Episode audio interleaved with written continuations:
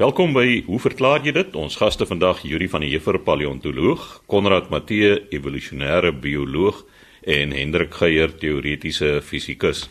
Konrad, ons gaan by jou begin en ons gesels oor inteling. Nou veral onder die Europese koningshuise het daar geweldig baie inteling plaasgevind met sekere gevolge, maar nou by diere soos by beeste byvoorbeeld word daar tog 'n mate van inteling gevolg juis om 'n spesifieke ras tot gevolg te hê. Ek dink hulle noem dit lynteling as ek nou reg is, maar jy kan vir ons verduidelik. Chris, kom ons kyk. Dou Creer van Durbanville vra spesifiek Daar word algemeen in die publiek aanvaar dat inteling veral by mense gesondheidsrisiko's inhou. En dan gaan hy aan deur al die wetlike aspekte te bespreek. Daar selfs wette wat sê mens mag nie met jou eie familie trou nie. Maar dan is dit wel onbekend dat in die vroeë jare, veral in koningshuise, daar baie neefs en niggies met mekaar getrou het en kinders gehad het en dat hulle bepaalde oogsiektes, bloedsiektes ensovoorts het. Dan noem hy spesifiek van die Habsburg huis wat die soorgenaamde Habsburg lip geproduseer het. So afwykings as gevolg van inteling. Maar dan sê hy as 'n voormalige plaaskind weet hy ook dat by beesrasse, skape ensovoorts dat dit lyk asof inteling eintlik positiewe gevolge het want mense kan spesifieke eienskappe in hierdie beesrasse uitteel. En dis dus beter as lukrake teeling. En dan het hy selfs gesê iewers het hy gelees dat die beste lewensverwagting oor die algemeen by mense aangetref word as mens 4de graad van mekaar verskil. So as mens 4 graad uitmekaar het, is kan mens ouer word. Ons praat dus van agterkleinige met agterkleinneef, is dit waar? En dan het ek ook verder net gevra dat is dit dan nou so dat as gevolg van hierdie inteling deel sekere mense gemeenskaplike eienskappe in sekere areas in die wêreld. Nou om te begin moet ons dan natuurlik kyk na wat is die definisie van inteling? Is as naverwante individue teel, maar die gevolg hiervan is dat die heterosigositeit in die bevolking afneem of in die groep wat dan inteel. So die variasie wat daar op 'n genetiese vlak is, neem af wanneer inteling plaasvind. En dis net 'n proses wat logies volg van die genetiese modelle. Dit is dus heeltemal aanvaarbaar ook as daar minder variasie is dat mense weerstandbiedendheid soos byvoorbeeld teen siektes ook sal heeltemal afneem. En daar's heelwat gevalle studies wat dit aantoon. Wat ons ook weet is dat in byvoorbeeld sekere soogdiere, die oomblik as die bevolkingsgetalle laag is, is daar noodwendig inteling want daar is nie vreeslik baie paringsmaat nie en in daai geval kry mens ook hierdie afwykings wat dan voorkom, skewe horings in bokke en sulke tipe goed wat dan kan voorkom. Maar die gevolg is een van die grootste voorbeelde daarvan waar die heterosigositeit deel wat afgeneem het is byvoorbeeld in jagluiperds. In die geval weet ons dat hulle baie naby aan mekaar is van 'n genetiese oogpunt. Mens kan selfs die vel van een luiperd of van een jagluiperd oorplant op 'n ander jagluiperd. Hulle genetika is so soortgelyk dat daar geen verwerping van enige orgaan plaasvind nie. So hulle is baie naby aan mekaar, maar die gevolg hiervan is dat die voortplanting van jagluiperds geaffekteer is. Hulle het baie sperm abnormaliteite en ook die werpselgrootte wat daar in die wyfie diere voorkom is heelwat kleiner en daar is groot vrees dat sou 'n siekte onder hierdie jagluiperds uitbreek, dan sal ons 'n groot deel van hulle kan verloor. Maar dit is alom bekend dat inteling nie goed is vir dit nie. Wat interessant is is dat onlangse genoomstudies aangetoon het dat mense per se is ook heelwat ingeteel. So nie net die koningshuise nie, ons is almal baie naby aan mekaar. 'n Studie wat onlangs gedoen is, het byvoorbeeld die mens vergelyk met die chimpansee en gesien dat chimpansees wat tussen twee riviere geskei word, geneties meer van mekaar verskil as mense wat op verskillende kontinente voorkom tans. So die inteling by mense is hoog. En dis gedoen deur 'n studie by Oxford Universiteit in die Verenigde Koninkryk. So ek dink ons moet aanneem dat inteling nie 'n goeie ding is nie en soos die luisteraar ook opgemerk het, dit bring redelike negatiewe gevolge soos die siektes ensovoorts mee. As mens egter na plaasdiere kyk, sal ons vind dat inteling inderwaarheid inderdaad gebruik word om sekere eienskappe in die bevolking uit te lig Maar ons weet dit kom saam met 'n uh, prys. Ons weet dat heelwat beesrasse is nie baie effektief teen siektes nie en dis hoekom ons soveel middels moet gebruik om byvoorbeeld ontslae te raak van bosluise. So wat ons ook weet is dat as 'n mens beeste en skape ensovoorts inteel, het dit 'n spesifieke patroon. Die eerste ding wat baie beïnvloed word is jou voortplantingseienskappe, so geboorte by dood en die aantal nageslag wat geproduseer word.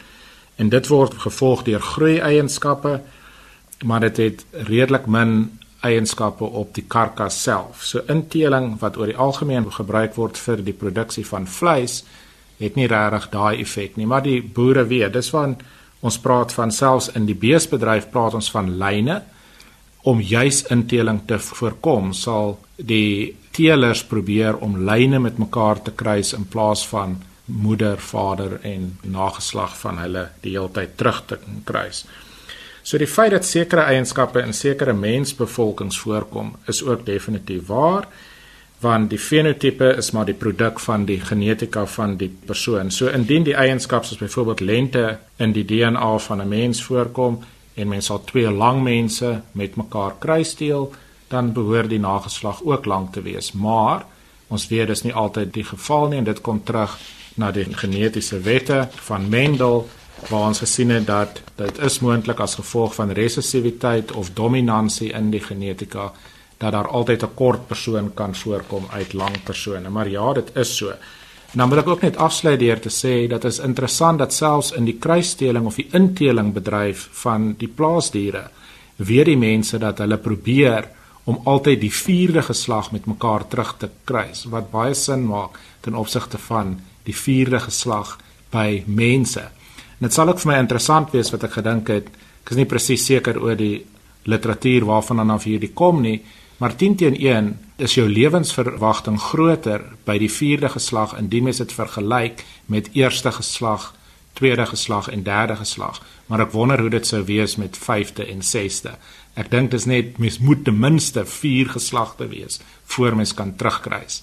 En ek dink gegee dat mense klaar so ingeteel is gegrond op die genoomstudies ook is dit 'n redelike krisis vir ons en dis hoekom daar soveel siektes en afwykings voorkom onder mense as dan net 'n klein bietjie inteling voorkom.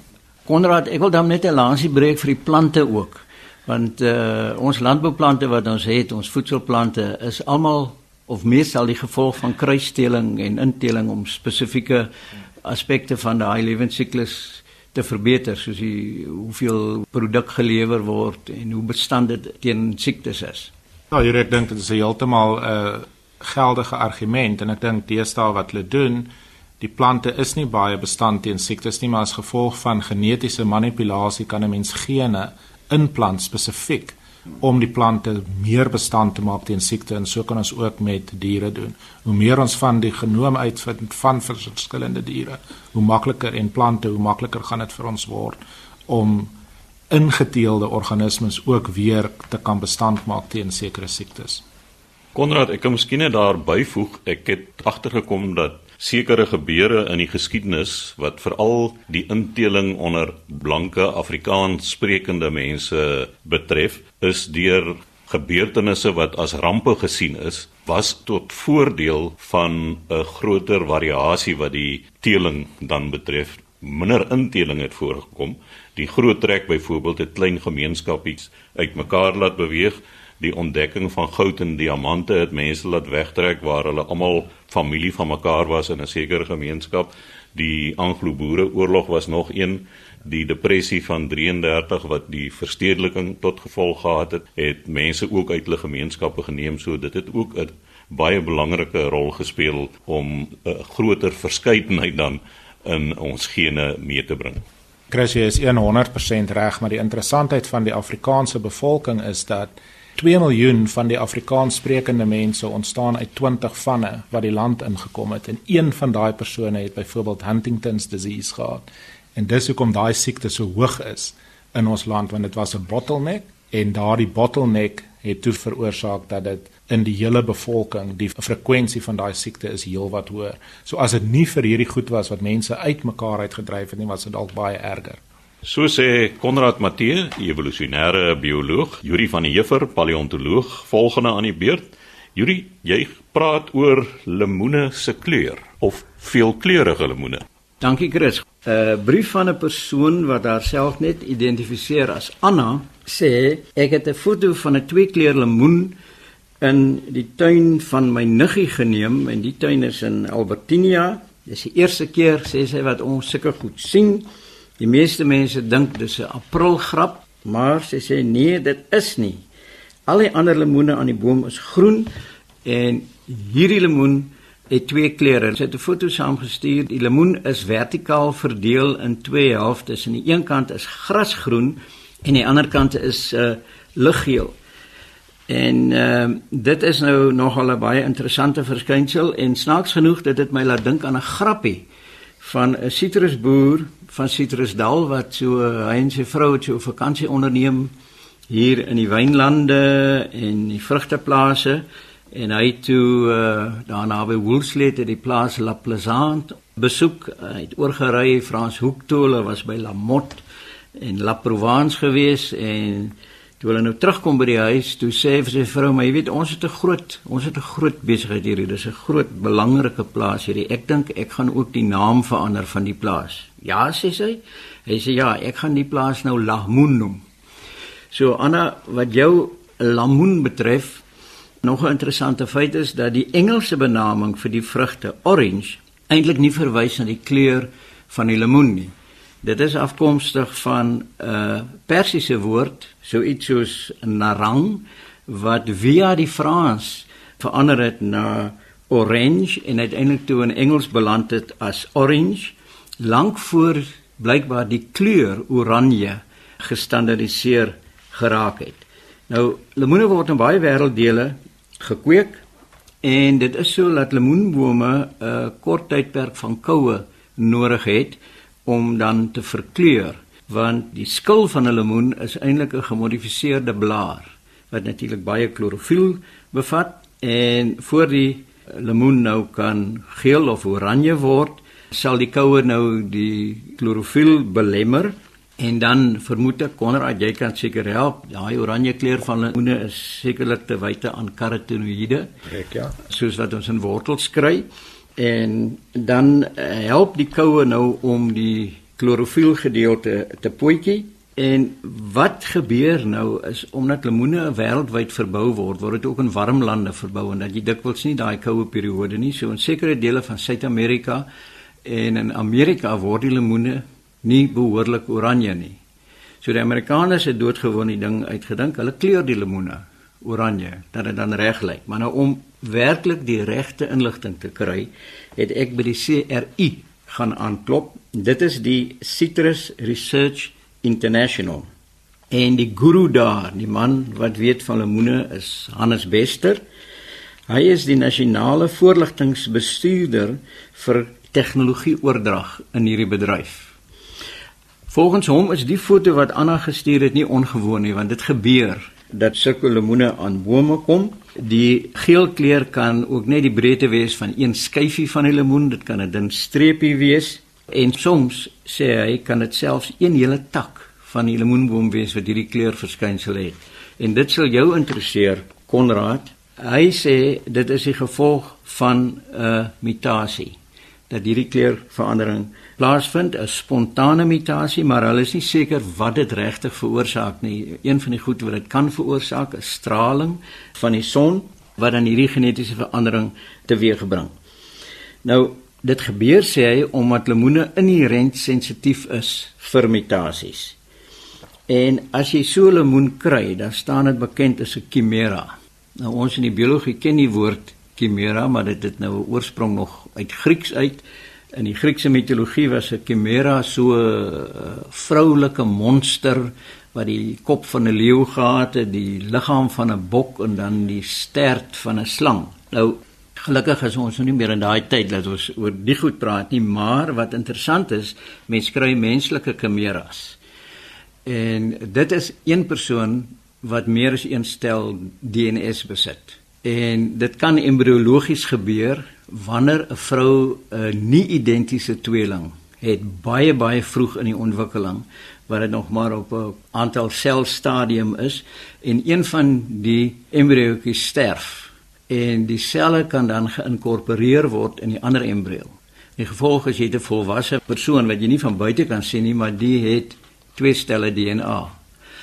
En daar's 'n geval aangeteken in Amerika waar 'n man 'n vaderskaptoets gedop het, want sy DNA het nie ooreengestem met die van die kind nie. Maar hulle het toe verder teruggegaan in sy genetika en uitgevind dat die monster wat aan die binnenkant van sy wang geneem is, verskil van die monster in sy semen. So hy was eintlik die kind se oom want die geabsorbeerde DNA was die wat in die spermselle gesit het. Nou ek sien jy lig jou wenkbroue. So Maar in elk geval ek het dit raak geloop dat 'n mens dan ook menslike chimeras kan kry. So die skil van die lemoen volgens Hannes is 'n gemodifiseerde blaar en dan wanneer die klorofiel afgebreek word dan kry mens die oranje kleur.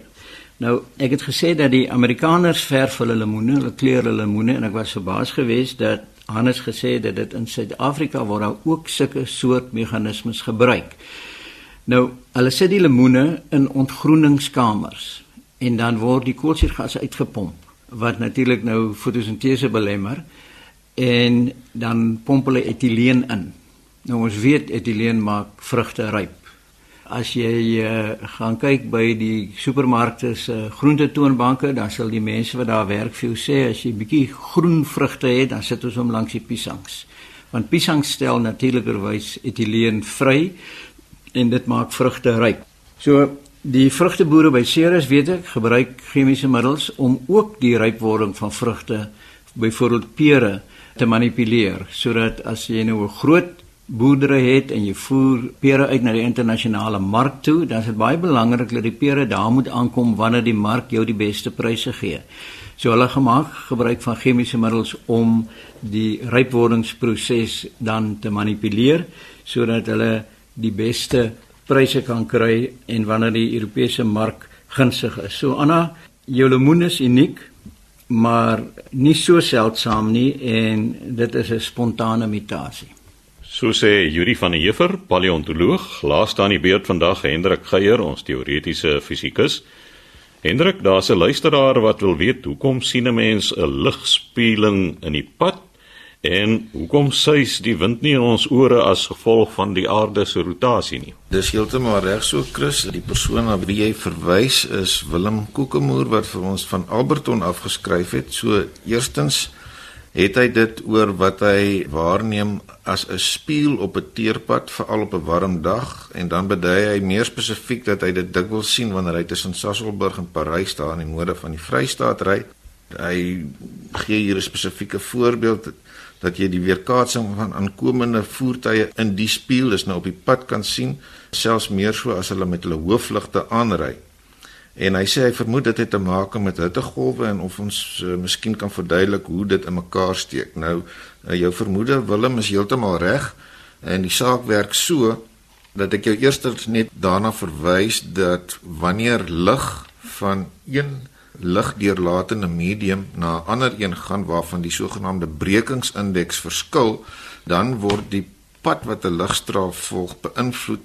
Ons kan maar net sê die ligstraal word gebuig en een van die bekendste voorbeelde waar jy dit direk kan waarneem as jy 'n stok in 'n poel helder water insteek dan lyk dit of die stok daar waar hy met die wateroppervlak kontak maak skielik krom gebuig word. So dit is wat jy waarneem nou dit is so dat lug se brekingsindeks afhang van die digtheid daarvan en nou verder weet ons dat hoe warmer lug is, hoe minder dig is dit. So as 'n mens nou kyk na die luglaag bo op iets soos 'n warm teerpad, dan is die onderste luglaag warmer as die boonste luglaag.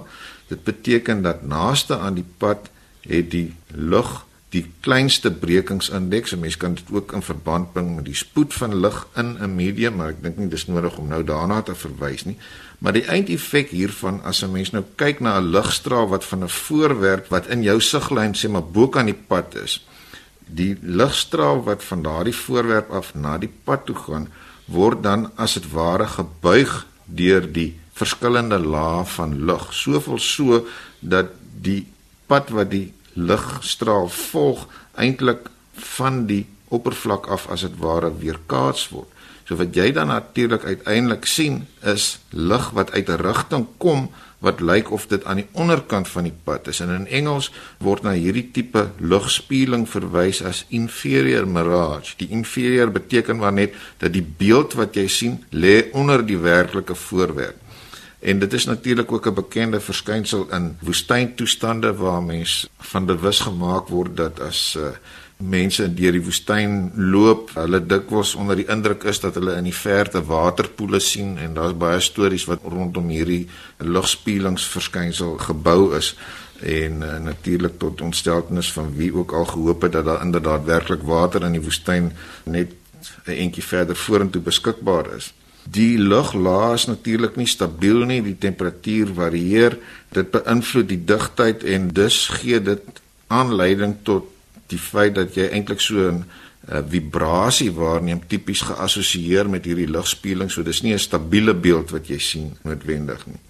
Interessant genoeg in die poolstreke kry 'n mens die omgekeerde toedrag van sake. Daar word na verwys as 'n temperatuurinversie. Dit beteken dat die onderste luglaag kouer is as die boonste luglaag en in daardie geval word daar ook 'n buiging van die lug veroorsaak, maar met die effek dat dit dan lyk asof die beeld bokant die voorwerp lê.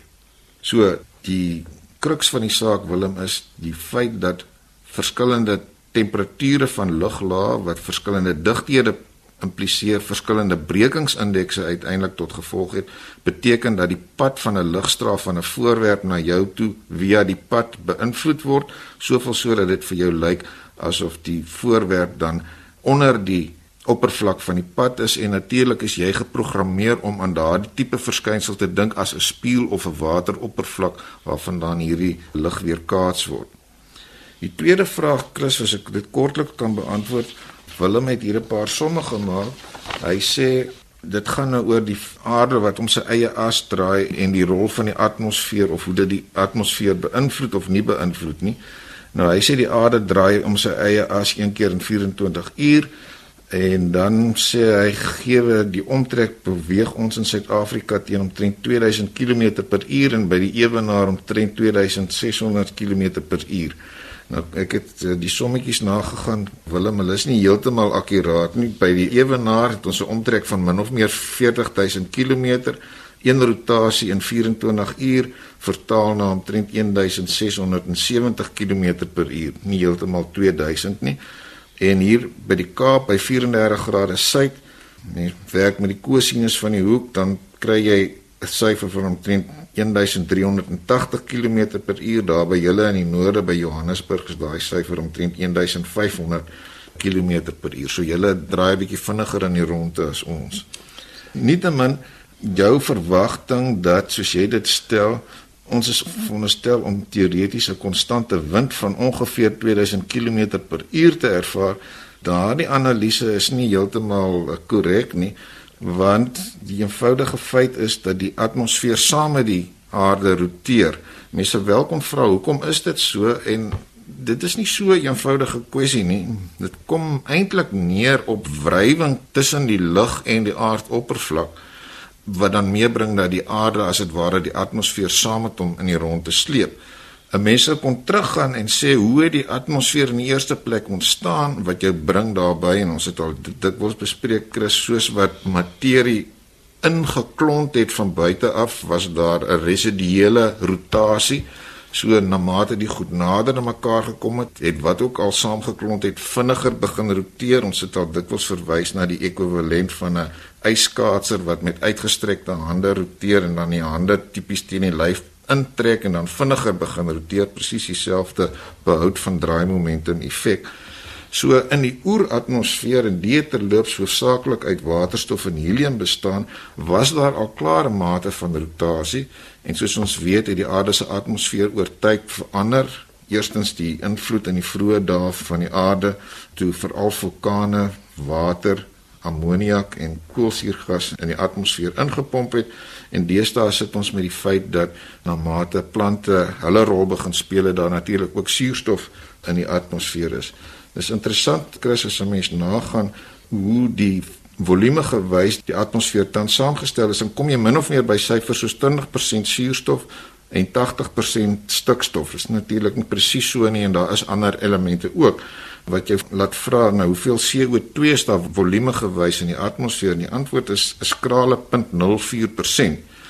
Nou na aanleiding daarvan weet sou baie mense dink dat dit dan onmoontlik sou wees dat hierdie hele kweekhuisgas effek deur so 'n klein aandeel aan die atmosfeer so groot invloed kan hê op aardverwarming, maar dis 'n gesprek vir 'n ander tyd. Terug by Willem se vraag, dit is dan inderdaad so Willem dat die aarde as dit ware die atmosfeer met hom saamsleep en as dit nie so was nie, sou ons byvoorbeeld in 'n lugballon net kon opstyg en wag vir die aarde om onder ons deur te draai en dan kan ons weer afkom op die punt waar ons inderdaad graag sou wil wees wat natuurlik lugreise baie goedkoper sou gemaak het. Verder sou ek net hier wil byvoeg Chris dat dit is tog interessant dat as die aarde nie sou roteer nie, sou winde hoofsaaklik direk van die ewenaar na die pole gewaai het van 'n warm omgewing na 'n koue omgewing. Die feit dat die aarde draai, die effek wat bekend staan as die Coriolis effek en ook die verspreiding van landmassas in die kontinente bring meer dat ons die bekende patroon het van die sogenaamde passatwinde wat van oos na wes rondom die ewenaar waai en dan die sogenaamde heersende westewinde wat tussen omtrent 30 en 60 grade breedtegraad weer van wes na oos waai en die ou seevaders het natuurlik hierdie patrone baie goed verstaan en benut om te kom van waar hulle was tot waar hulle wou wees en uiteraard het hierdie toedrag van sake deesdae beide op skeepsreise en spesifiek ook op lugreise nog steeds 'n effek. Daar het die tyd ons ingehaal. Dit is dan Hendrik Geier, ons teoretiese fisikus. Skryf gerus aan ons by hoe verklaar jy dit? Posbus 2551 Kaapstad 8000 of stuur 'n e-pos aan chris@rsg.co.za.